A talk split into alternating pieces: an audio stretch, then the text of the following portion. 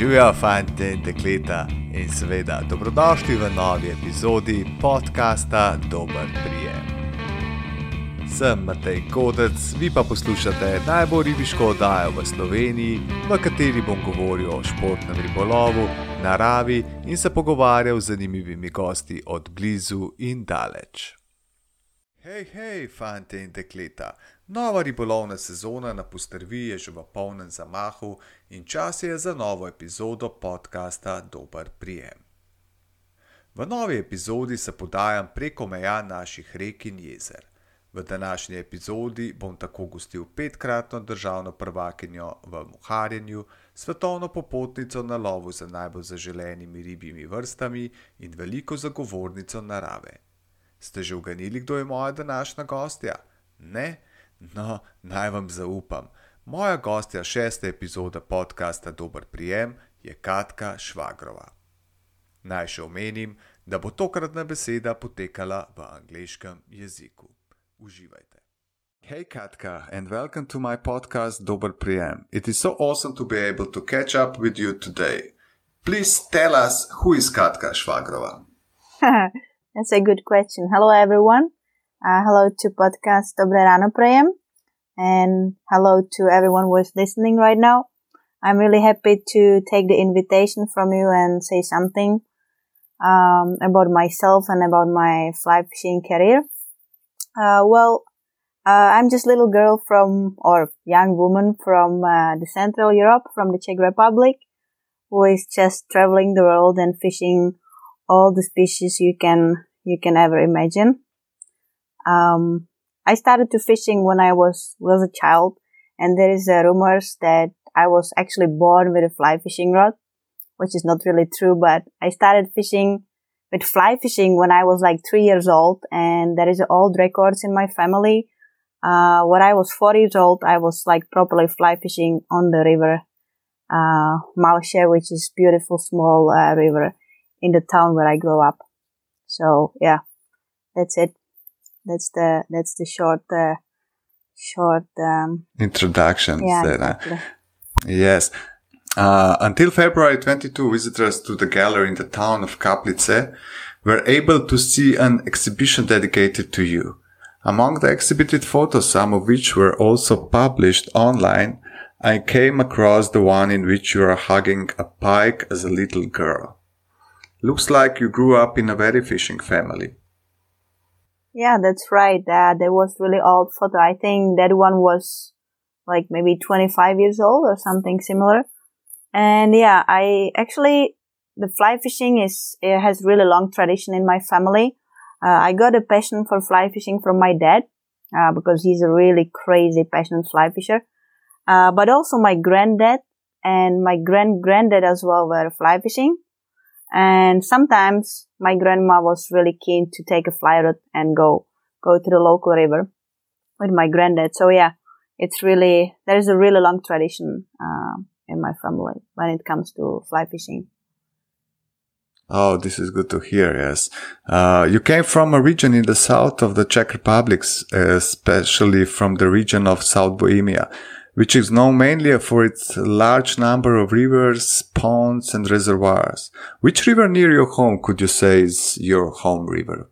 Yeah, that's right. That's right. Uh, South Bohemia is actually in our country is um is is like many fly fishers. They say that fly fishing in South Bohemia is the best, and I, I can I can I can say it's true. Uh, I grew up on the river Malše. It's just tiny river, but we have beautiful browns, beautiful graylings, chaps, pikes, everything you can imagine in the river. And there's also a couple of nice lakes and ponds when you can fish for the trout or pike. So yeah, I, I actually, I think I grew up in the best area when it comes to fishing in, in our country or one of the very best. Uh, I never, well, I started to competing, if I'm right, 2012 and I just came into competitor really, I can say by accident because a friend of mine was really, really famous, uh, and successful competitor in Czech once we were fishing together in the river and he just said, well, you should try to, try to compete yourself as well. So then I just applied for, for the first, um, championship in our in, in our country, my first championship, 2012, uh, ladies championship. And I don't know what happened, but I won. So from that time, from that time, I said, well, let's do it again, uh, and again and again. And I end up to become a five times champion, ladies champion in our country. Um, I think I was once I was on the second place. Um, yeah, but like I have to say the past years also become when it comes to COVID, you know, the COVID ruined everything. Uh, but the past years yeah. I'm more concentrated on traveling the world than, than competitions. But I hope, I hope one day I will be back in competitions a little bit more. Uh, actually I was nominated with, a, uh, with our ladies team into the first world championship, ladies world championship, which was supposed to be last year in Norway, but it was postponed to this year. But because of COVID, it was cancelled again. So the competition should be held, uh, should be held uh, next year in Italy. So we will see if I will manage to get there. Let's hope mm-hmm, so. Mm-hmm. Yes, this this COVID situation uh, messed the plans yeah. uh, all around the world, I suppose. Uh, in Slovenia, the fly fishing championship is still dominated by men. How is it in the Czech Republic? Yeah, it's definitely the same. Well, there's not that many ladies which are really competing in fly fishing, but I would say it's around 15, 15 women in total. Uh, but not, maybe, maybe a little bit more, but competing? not competing. Yeah, but maybe a little bit more, but not everyone is competing all the time. But I would say there's like a core, which could be like eight, ten girls, which, which are really good and they are regularly competing every year. Um, and yeah, they, yeah, I think we have really, really good, uh, competitors, ladies. Yeah, I can say that because like, um, we have been 2018 we have been competing in european championship with the ladies team uh, mm-hmm uh, together with the men. Actually, it was like a European championship for the men, but we have, we had our own category with the ladies. So we were competing okay. against the ladies teams like team of Norway, team of uh, Finland, but we were also competing against the men teams, which was really interesting on the end. Interesting, yes. Uh, what success would you highlight as a competitor at the national level or world uh, European championship level? I know, oh well, definitely I still take uh, my first, um, my first championship, 2012. For me, it was the, the biggest success because there were some, well, kind of issue around it. And also I was totally new. I didn't really know what I'm doing. I didn't have the gear, you know, I didn't have many rods. I had just one rod I had all gear, you know, all wading trousers. I wasn't really well equipped. So for me, that was like the highlight because I managed to make good result with all this, you know, even I wasn't that well equipped as, as the others, I would say. And, uh, okay. what I would say, and I should speak not just for myself, but for other ladies in our country, when we have been on this, uh, European championship I already mentioned, 2018, we end up uh, like a team, like a ladies team, uh, in between all all teams on this European Championship. We end up on the fourth place in total. Fourth which, place. Yeah, which was really really great success. I would say we have been from the day one. We have been on the fourth place, and we managed to hold this position till the end. So actually, the other teams they were really like surprised because when I remember like our first, well, our first day, you know, when you have the ceremony and the championship is starting, we came there with the other ladies with a pink shirt, uh, and I mean with a pink dress. So the guys, they were like kind of laughing and, you know, they were thinking, oh, what these girls, you know, sweet girls with a pink dress, what they going to do in championship?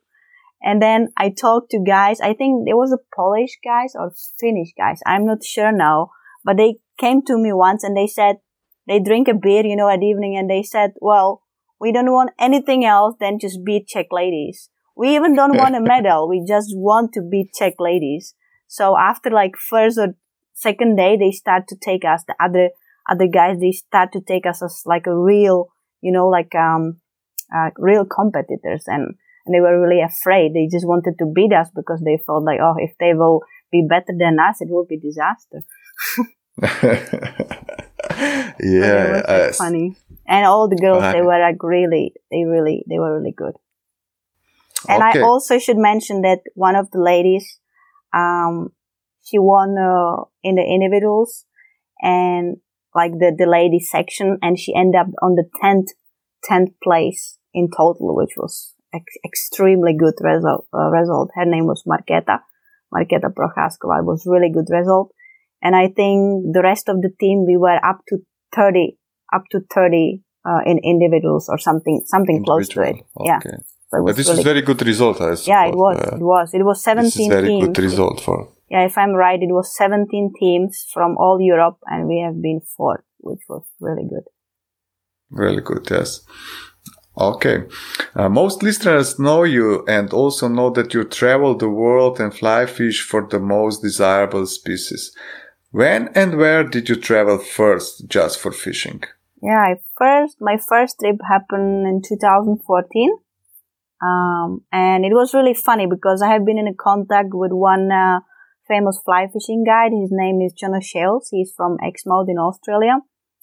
And we have been in contact for a while. And then he just said, well, just, I'm free now. If you want to come and you want to just learn something in, in saltwater fly fishing, now it's the time. You can come. And it was a Monday and he called me or he sent me a message. Actually, he sent me a message. I didn't speak in English that time well, so we were just, you know, texting on, and I was using the Google translator. And I said, okay, I'm coming. And that same day, I bought a flight tickets. And the same week in the Thursday, I was flying to Australia. And it was my, also my first flight ever. So you can imagine how it was. yeah, I imagine. Yes. Uh, you were, you were young then. Yeah. Yeah. Well, I think I was, it was, I was just right after my bachelor, bachelor studies on university. Mm. I think I was 24. And you travel just alone and you have yeah, just alone. I just, I just, just, decided to go and yeah, I, I fixed all the visa the same day. And I called my mom from the town and I said, mom, I'm flying to Australia. And she said, are you mad? What happened? What, uh, what are you talking about? I said, I just bought the tickets now. I spent all my money I had. I saved the money from, you know, from the, um, like a summer work, like a student work. Yeah. And I just decided to go. And I have to say it was the best decision in my life because that trip completely changed my life. Yeah, I was really lucky because I don't know how everything started, but, but somehow it just got kind of drive and, and then I, I, I got my first sponsor, which was Rio Products. Then I have been uh, contacted by Patagonia, then other companies, and it just started everything. What is the key to your fishing travels? Is just fishing or is there something more? Well, most likely it's fishing. And from every trip, I'm trying to, you know, to write an article and just to share my, share my experience. And not only experience when it comes to fishing, but also experience when it comes to nature and when it comes to, well, like, uh, envi- uh, environment protection or fish protection. I'm just basically trying to, to write about all the things I can see on my travels around the world. So your other profession is a journalist, you say? Well, my professional is a fly fishing guide, but on the side of that, I also uh, I also work as a journalist. Yeah. Okay. Which continent or country you remember the most from your travels? Uh, well, that I can say that every country has something special. I always remember. Um, and there's definitely, I'm still like I'm really in love with Iceland. It's like my, my second home. But if I can say what was like the most memorable trip in my life, I will definitely say Bolivia. The Amazon rainforest, uh, the Bolivian golden dorado. It was just the highlight of my fly fishing career so far. Yeah. I see in Instagram your photos. Yes. Beautiful fish, beautiful, uh, surroundings and very uh, beautiful, I must say. I'm thinking here of the whole experiences, let's say like Bolivia, from fishing to hospitality to what you saw and did. This is Bolivia. You stay with Bolivia? Uh, what do you mean? Sorry, I just didn't understand the question. I mean, I mean, uh, hospitality and everything, the package. You know, you still uh, think that Bolivia is this the yes, trip definitely. It's definitely. It's not. It's not. It's definitely not just the fishing because I caught many beautiful fish and you know so crazy fighters. You know, fish which are really fighting and but golden dorado like a fish, it's really special itself because it's really aggressive it's like a real predator when when when she just or when when the fish so, see your fly it's just going immediately and the, the water is just splashing everywhere and you, you just want to scream. Some people I, I saw they were already screaming because it's like it's really high adrenaline. It, the fish is just crazy. But it's not a, just about the fishing. The nature is totally different than i ever seen before in my life because when you coming to this when you actually you're coming from Santa Cruz, from the main city in Bolivia. You are coming with a small Cessna plane, tiny plane into the, okay. you know, Bolivian rainforest. And you just, when you first land, landing in a, in this airstrip in the middle of nowhere, you just find out yourself just in the middle of, like, in the middle of Amazonian, Amazonian jungle. So the thing is that on this trip, you actually staying with the locals, with the Chimani, Chimani tribe, the indigenous people, and these people following you upstream on your, on your fishing journey. And what we did, we were, most of the time we were camping on the river bank, on the bank of river Sec- Secure. Uh, we were s- just sleeping in a tent. So just this thing itself to sleeping in the jungle in the tent, it's quite crazy, right? So uh, yeah, imagine this. Yeah, it was. It was. What about uh, uh, what about the animals in the forest? You yeah, you see everything. That you know, the thing is, even the fishing was not slow, but I can just see if the fishing will turn slow in Bolivia, you always have something to see or something to watch or something interesting. You will never be bored on this trip because there is so much, you know, insect, but also beautiful insect like butterflies, and then you see the monkeys and you see you see the parrots and then you just hear something then you ask the locals what it is because it sounds like a train or something and they just say oh that's a jaguar just i don't know five kilometers from us so so it can be also a little bit scary scary sound i yeah, think it's pretty safe sound. yeah but I, I think it's pretty safe and these locals you know you are fishing with a guide, with like a professional fly fishing guide, and also with these local okay. Chimani people, and they really protect you. They also have a guns if something will go wrong, which I doubt it will, but you are in the jungle, you never know. So they just protect you. They know the nature. They go with you. They tell you everything. They, they just educate you, telling you about the trees, telling you about the animals, about fishing, everything. So yeah, it's definitely. I think this is the must on on this trip. Yeah, genius people, uh, they know everything about the nature and the water, I suppose. So, uh, you golden dorado, you say. What equipment do you use? You heavy weight heavy fly fishing rod, uh, like mm, ten? Well, well, not really. Uh, we were fishing eight weight not and really. nine weight rods with floating lines. Uh, tropical floating line like outbound short or or the new uh, Dorado Dorado fly line from Rio is good. Uh, and you fish pretty big flies. Um, if you are fishing downstream, there's a deeper water, a little bit muddy, so we are fishing a little bit weighted fly.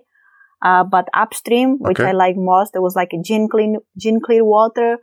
Uh, it actually looked like some of the rivers in Slovenia, really gin clean water, a little bit, you know, like not bluish, it was more greenish, but still perfectly clean. Okay um, and you are fishing unweighted flies like 2 0 hook, 3 0 hook.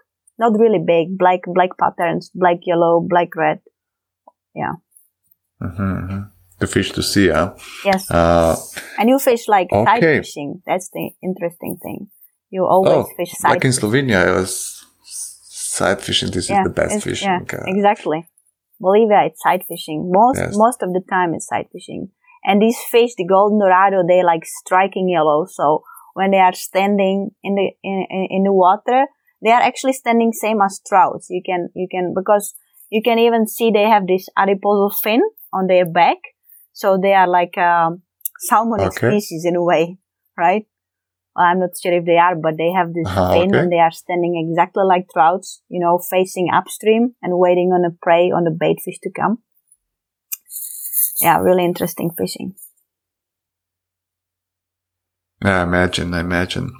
Uh, uh, we talk uh, a little bit the COVID situation before we started this interview, uh, and this situation is not exactly conducive to travel. So, which destination or destination do you plan to visit in the near future? Yeah, that's that's really that's really a tricky question to answer because, uh, like you said, everything will depend on the COVID situation. I had so many plans before this um, this thing with COVID happened, um, but my plans totally changed. But I have to say I have been quite lucky because even even the world kind of closed closed down, I was still able to travel quite a lot last year, and I- also managed a couple of trips this year. Um, but I really hope that situation will get better and better every month now with the vac- vaccine and everything. So I definitely, it's funny because I, like my trips which I'm planning are actually now on a ban list. so I'm planning to go to Brazil, which is on the blacklist, right? Uh, I'm Okay. planning to go again to Bolivia Right? Yes. on Bolivia, which is also on the blacklist, like all South America. Uh, I'm planning to go to Russia, hmm which is not on the blacklist, but we don't, we don't, we, we don't have chance to get visa now. Russia is closed. And I also planning trip to Tanzania. Tanzania, which is also on the blacklist. and India. I want to catch a mahseer fish, which is also on the blacklist. so my future trips are India really is also on the blacklist. Yes. Yes. so my future Yeah. trips looks like this now. Mm. Yeah, but yeah, the situation is um, not good No. at all. So no, it's not. But I still have some some um, some trips. I'm just now um about I'm just about to go to Iceland again. You know, for my for my season. And I'm planning some trips to Cuba, um, Belize again, and, and some other saltwater, saltwater Mhm. destinations. So I think this will happen. you mentioned Iceland. I know that Iceland is very close to your heart because you work as a guide on the Laxa and Kjos rivers. Why is Iceland so special? Yeah, that's really uh, tricky. Uh, it's a really tricky question because Iceland is really close to my heart because I uh, I can say that I take Iceland like my second home, especially the Laxá í Kjós River where I already spent uh, three summers guiding, and I really hope to get get back this year again, which is still unsure with the COVID, but I really hope so. And it's hard to say why Iceland is so special because, you know, the fishing on Iceland is excellent. The nature on Iceland is just beautiful. It's just pure and clean. And, uh, but I visited many places where the fishing was good. Uh, the nature was beautiful. But I think there is just something special, something magic about Iceland, which I can't really describe what it is. But it, for me, Iceland is just a magic country and it will always be close to my heart and especially the Laxá í Kjós River, which I think is one of the most beautiful rivers I have ever seen in my life and fished. Are there big rivers? I have no imagination. Yeah, So some there rivers are some rivers are big, um, like Big Laksa or or Laxá í Aðaldal or other rivers, but some rivers like the river where I work are like mid-sized rivers. Um, Okay. but the thing is that this river is beautiful because some rivers they more like slow you know so you're fishing double-handed rods and uh, kind of typical salmon fishing as you know from russia or norway that you cast like 40 degrees you cast across the river then you let swing the fly and waiting for the take but Laxá í Kjós is really different it's like a pocket river it, with with lots of structure lots of rocks lots of little currents so basically you're fishing for salmon in a way of kind of trout fishing. We use really light uh, equipment. We use six or seven weight rods with floating line, single handed. And most of the, like in a prime time, the most of the action is top, top top top water action where we fish with little hitch tube flies, so you can see the takes uh, beautifully. And the funny thing is, you usually see all sort of fish. So sometimes the guide is spotting the fish from the let's say from the cliff, and I exactly see where the fish are. So I know where the where the client should cast the fly, where he exactly should place the fly to get the take. so it's at the water. This is a little secret. Yeah. This is a little. this is a little secrets of guides, you know, from the cliff, you know. also, I'm doing this, so don't yeah. worry. So yeah, the water is uh, same like in Slovenia, exactly same color. It's like a bluish, gin clear. Bluish. Yeah, like blue, blue. Okay. Gin I like clear. this. Yes. Yeah. Uh, I like yeah. this. And maybe I should also mention that if you like Google something about Laxá í Kjós, so maybe you already did. Uh, but for the for the people who is listening this podcast, that Laxá í Kjós is like considered or it's called like a Salmon University of Iceland. And there is a saying on Iceland that if you caught a salmon in Laxá í Kjós, you will be able to catch a salmon in every other river on Iceland. Uh, like the locals saying that the fishing on this river is really tricky, really difficult, can be really difficult, especially when we have a low water Tricky. sometimes. Sometimes it can happen in a, in the late summer that we struggle with the lack of water. So then the fishing is really like technical, really technical. And it's not just about salmon. Uh, we also have a big sea trouts and pretty nice brown trouts. So it's, it's really fun. Yeah, I imagine I saw some photos on your Instagram profile, so uh, I see this one. Yes. Um, let's move on. And uh, in my third episode of the podcast Dober Prijem, I hosted biologist Rok Rosman and biologist Brina Soltanšek, with whom I discussed the issue of setting up new hydropower plants on the Sava River. The Sava River is the main river vein in Slovenia and also one of the most important ecosystems in this part of Europe for increasingly endangered fish species, the Danube salmon aka sulec. Was your visit to Slovenia back in 2020 related to Danube salmon aka sulec? Uh, yes, yes. Uh, I was there in January 2020. You're right. Uh, and I fished with uh, uh, with my friend Rok uh, for for Danube salmon for Hucho Hucho, first time in life. Uh, we have been there just for three days with my dad, and it was really successful. I really like Slovenia. Uh, I really enjoyed it. Just I still cry about my big Hucho I lost. Like the second day, I hooked like a monster Hucho. It was like one meter five, one meter ten. Who knows? Was really big and the fish was just ready to net and my friend Rok, he was just about to net the fish, but the, the, hook suddenly came off from no reason. You know the feeling when you're just watching this fish giving up and just the, suddenly the hook is flying against you. I cannot say what I said that time. It was in Czech, but it was really bad. and I was so sad so sad. I was really, I, I, I remember I didn't, I didn't speak when we were going back in the car. I didn't speak for all evening. I didn't speak with Droga. I didn't speak with my dad because I was just so sad and disappointed. Well, but the second day, like I, the next day I caught a nice hucho. It was like 80, 80 something, you know, 85 centimeters or something. Pretty nice fish, but not even close, close to that one I lost. But I definitely would uh, like to go back. Uh, I was planning this year, but because of COVID, it was difficult. But hopefully next, uh, next winter, next season. Next winter in October, we start Hucho season, yes. Uh, I must, uh, relate it to your story. I also lost, uh, one big one in. Kamniška Bistrica um, last season.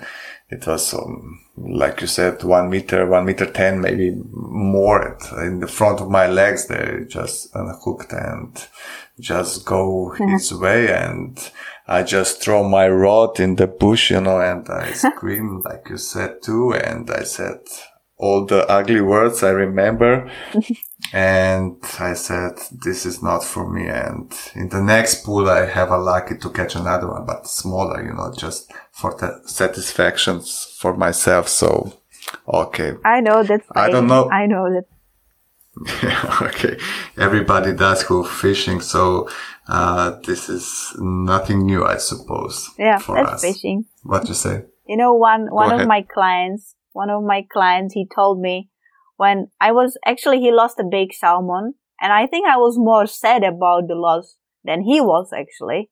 And you know, I was about to cry because I was so sad he lost that fish. And he said, "Don't worry, Katka." And you know, he just like like do like this on my shoulder and he said, don't worry, you know, just remember that all the fish you lost, they will always stay in your memory and you will always remember this fish even more than the one you caught. So when I lose the fish, I always think these wise words he told me one day. uh, where are we? Could you say that, uh, your travels are also intended to raise awareness about the problem of habitat shrinkage and the threat to endangered fish species? Uh, in a way, yes. Uh, for sure, I'm trying when I'm talking to people, uh, when I'm talking with uh, with my clients, or when I'm writing articles. I'm always trying to to to tell people uh, the like the the overall um, uh, overall view on the destination, and sometimes even the fishing, you know, and the accommodations, the lodges, everything is always perfect. But sometimes I see things, uh, in these countries, uh, which are not, which are not that nice. And sometimes it's really related to, uh, environment and the nature. So yeah, I, I saw many things around the world and I have to say some of them are really sad. Uh, if I should mention, for example, Brazil, you know, Brazil is a wonderful country, but sometimes when you fly these uh, fishing destinations with, with a little Cessna plane, you can see from above the rainforest, like people are destroying the rainforest. You can just see the big fires, you know, they just cutting the trees and fire, firing up the trees. So it's definitely nice that, uh, people, fly fishers or whatever, start to speak about it and, and just pointing out on this issue definitely. We are in the front line just near the river and we saw many things uh, that happens to the rivers, to the ecosystem that uh, yeah. who want that we won't speak about uh, these problems and stuff, you know. Yeah. Well, you don't need to even go that far like Brazil. We have enough issues here in Europe and we have even enough issues in our country, in the Czech Republic.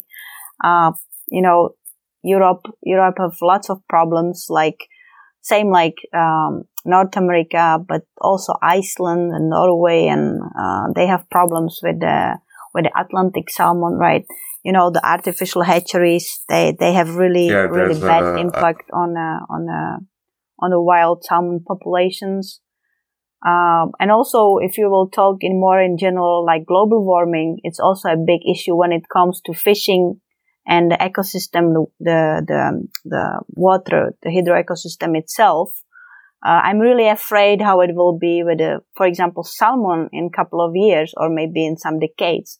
Because if the global warming will, will continue, I, I, I don't really see a good future for, for Atlantic salmon, to be honest, in these regions like Iceland or Russia or North America or Norway. Uh, I imagine, I imagine that uh, everything changing, yes, and um, uh, also here in Slovenia we have the same problem. Like I said, uh, with this extra ten hydro plants they are planning to set up in the Sa on the Sava River, so oh. it's not a good idea. So definitely not. Tell me, based on your experience, how are aquatic ecosystems changing and what's important about this? Uh, you mean aquatic uh, ecosystem in our country or or in general? Well, we can talk about Czech Republic, so we can compare about uh, Slovenia and Czech Republic. Yeah, let's so, say in this way. Well, in our country, there are several several big issues, uh, and I would say one really, really one of the main issue is like the water quality uh, you know, the water pollution. It's, I think it's issue in all Europe. Um, so the water quality is not like it was before. Even, even there's like some companies, they really trying, you know, trying to do their best and, and there's lots of scientists working on this issue.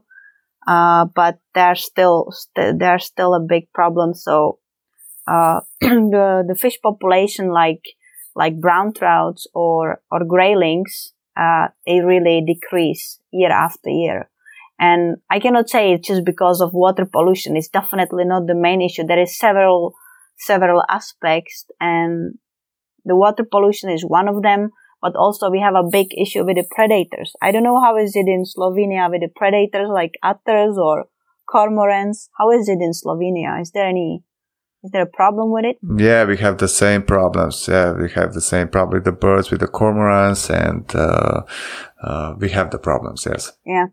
So what I see, like with my own eyes, because I live just close to the river, and basically I'm fishing every day when I'm home, basically every day or every other day. So I just see a footprints of of otters you know, everywhere. And you can see, you know, in every stone, the otter was there. Every bigger fish above 20 centimeters have some marks from, from, from a battle with the otter.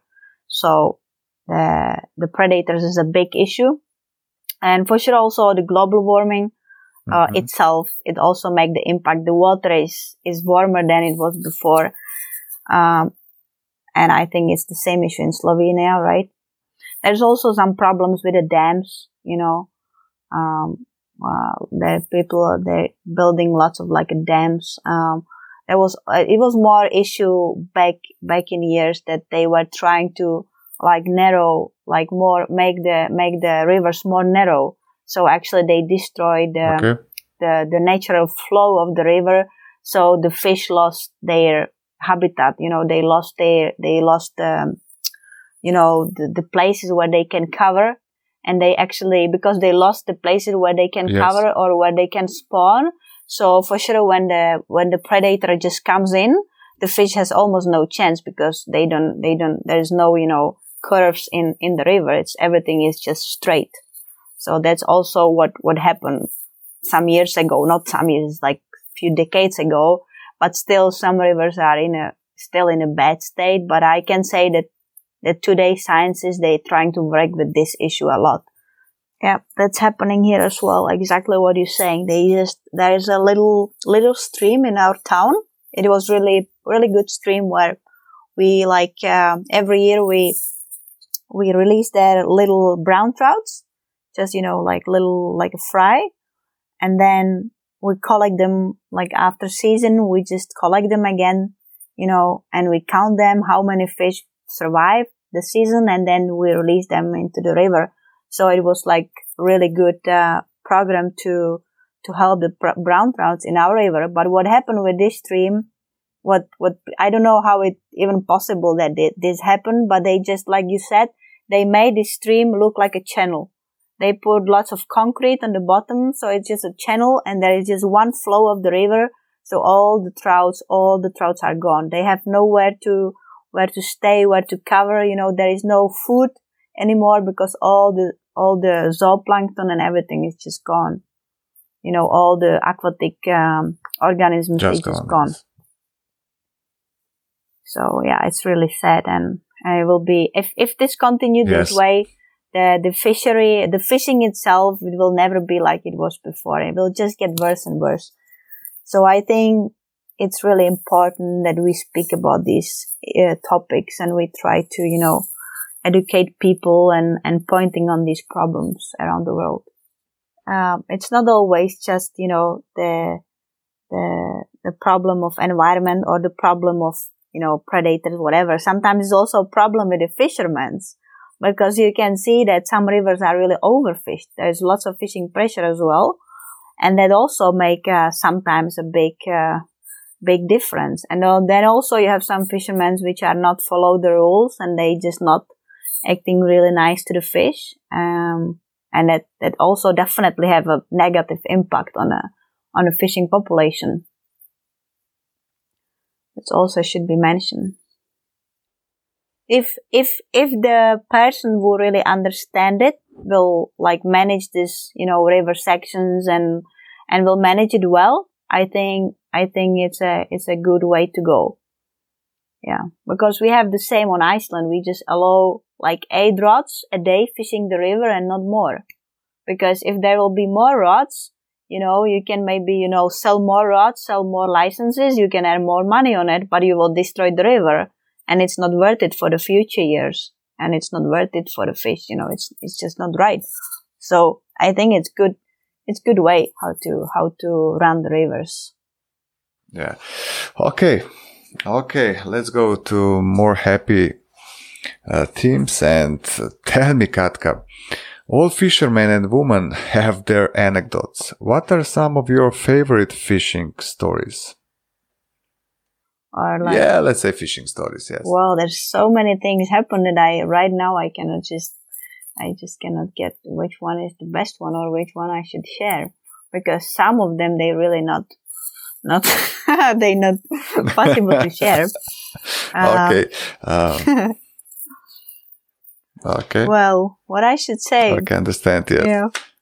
Well, I can maybe say about like when I started my my first guiding, like uh, on Iceland. Um, it was quite a funny story because you know to become a fly fishing guide in a in the sport which is mostly dominated by men, it was quite tricky but I was, I'm still really thankful to my bosses that they gave me the chance on Iceland. But I remember one of my very first client was a guy from UK, from England. He was from London and he was like 85 years old or something like that. And really, you know, really yeah. experienced and keen salmon fly fisherman. And I remember, you know, you have to fight for yourself when you are a woman and you want to become a fly fishing guide. You really have to fight for yourself. And this guy, when, you know, he got me, I just came to him, you know, with a smile, big smile. And, and I said, Hey, I'm a Katka and I will be a, your new guide the next three days. And if you see just his face, you know, like he just opened the mouth and looked at me like, like a kind of uh, detective, you know, and he just like, he just said, really? You will be my new guide. And I said, yes, you know, like a naive girl from middle of the Europe. and then, and he said, well, and where are you from? Or, or, you know, where are you from? And I said, I'm from Czech Republic. And he said, well, and how long you work on this river? And I just say, one week.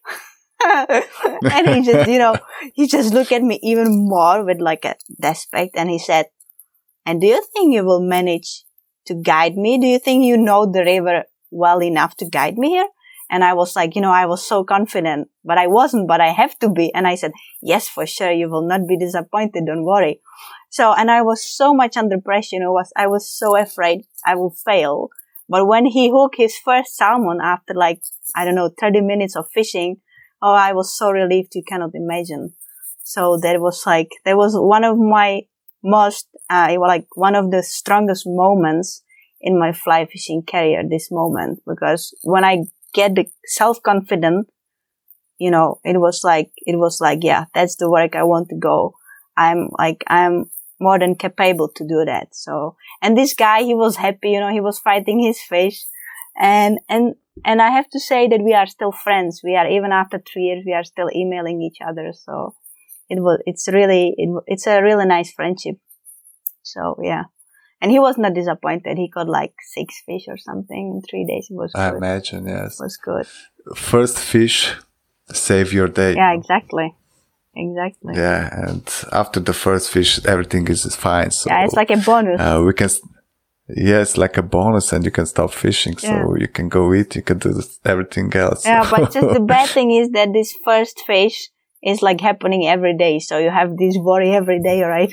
Day after day, you just worry. Yeah. And sometimes yeah. it's funny because sometimes the guides, and I can also see this on the travels. I met really, really, really good, skilled, amazing guys around the world. But some of them, they are even more stressed about the fishing than me because sometimes I'm totally relaxed and I say, well, I just want to catch a fish, but if I don't, I don't, don't worry. But the guides are so like afraid and, you know, so, uh, they just want to catch the fish more than, than me. And I have to say I'm the same when I'm guiding. I really like feel the pressure, you know, I just want to catch the fish. And some people, they really like, some, some, from some people, you can feel the pressure, right? But from some people, they just yeah. watching flowers and birds and they don't really care about fishing. And like Huge you mentioned, yes. like before the first fish, the pressure is so high. Yeah. Yeah. Or if you go fishing for hucho, hucho, there's a, also the big stress, you know, you don't know if you're gonna get one, yeah. you know. Uh, the trout, the trout is different, you know, you know, there is another one, you know, you can find a fish who eats and it's easy to catch yeah. the trout or mm, grayling or something like that. But, uh, Hucho is, uh, the big project. Yeah, I know. It's something like a salmon sometimes when it's sunny, you know, when it's sunny on Iceland, when we have a sunny weather, high temperature and west wind, that's a big project as well. because the chances ah. are so low and you have to really work it out. And you also need to be lucky and you also need to be client who, who is able to fish and yeah. Katka, mm, we are in the end. And is there anything you'd like to say to the listeners of the podcast Dobar Prijem? Yeah, for sure. I would, for the end, I would just like to say thank you for listening, listening our uh, interview for such a long time. Uh, it was a pleasure for me to speak to you. Uh, I hope you just get some, at least some interesting uh, information or whatever. So if you will be ever interested about something more specific or ask me some question, you know, you can always contact me on Instagram or Facebook or whatever. Um, and I wish everyone to have a great season, um, great season in Slovenia or wherever you are and hope to see you one day on the water. Thank you.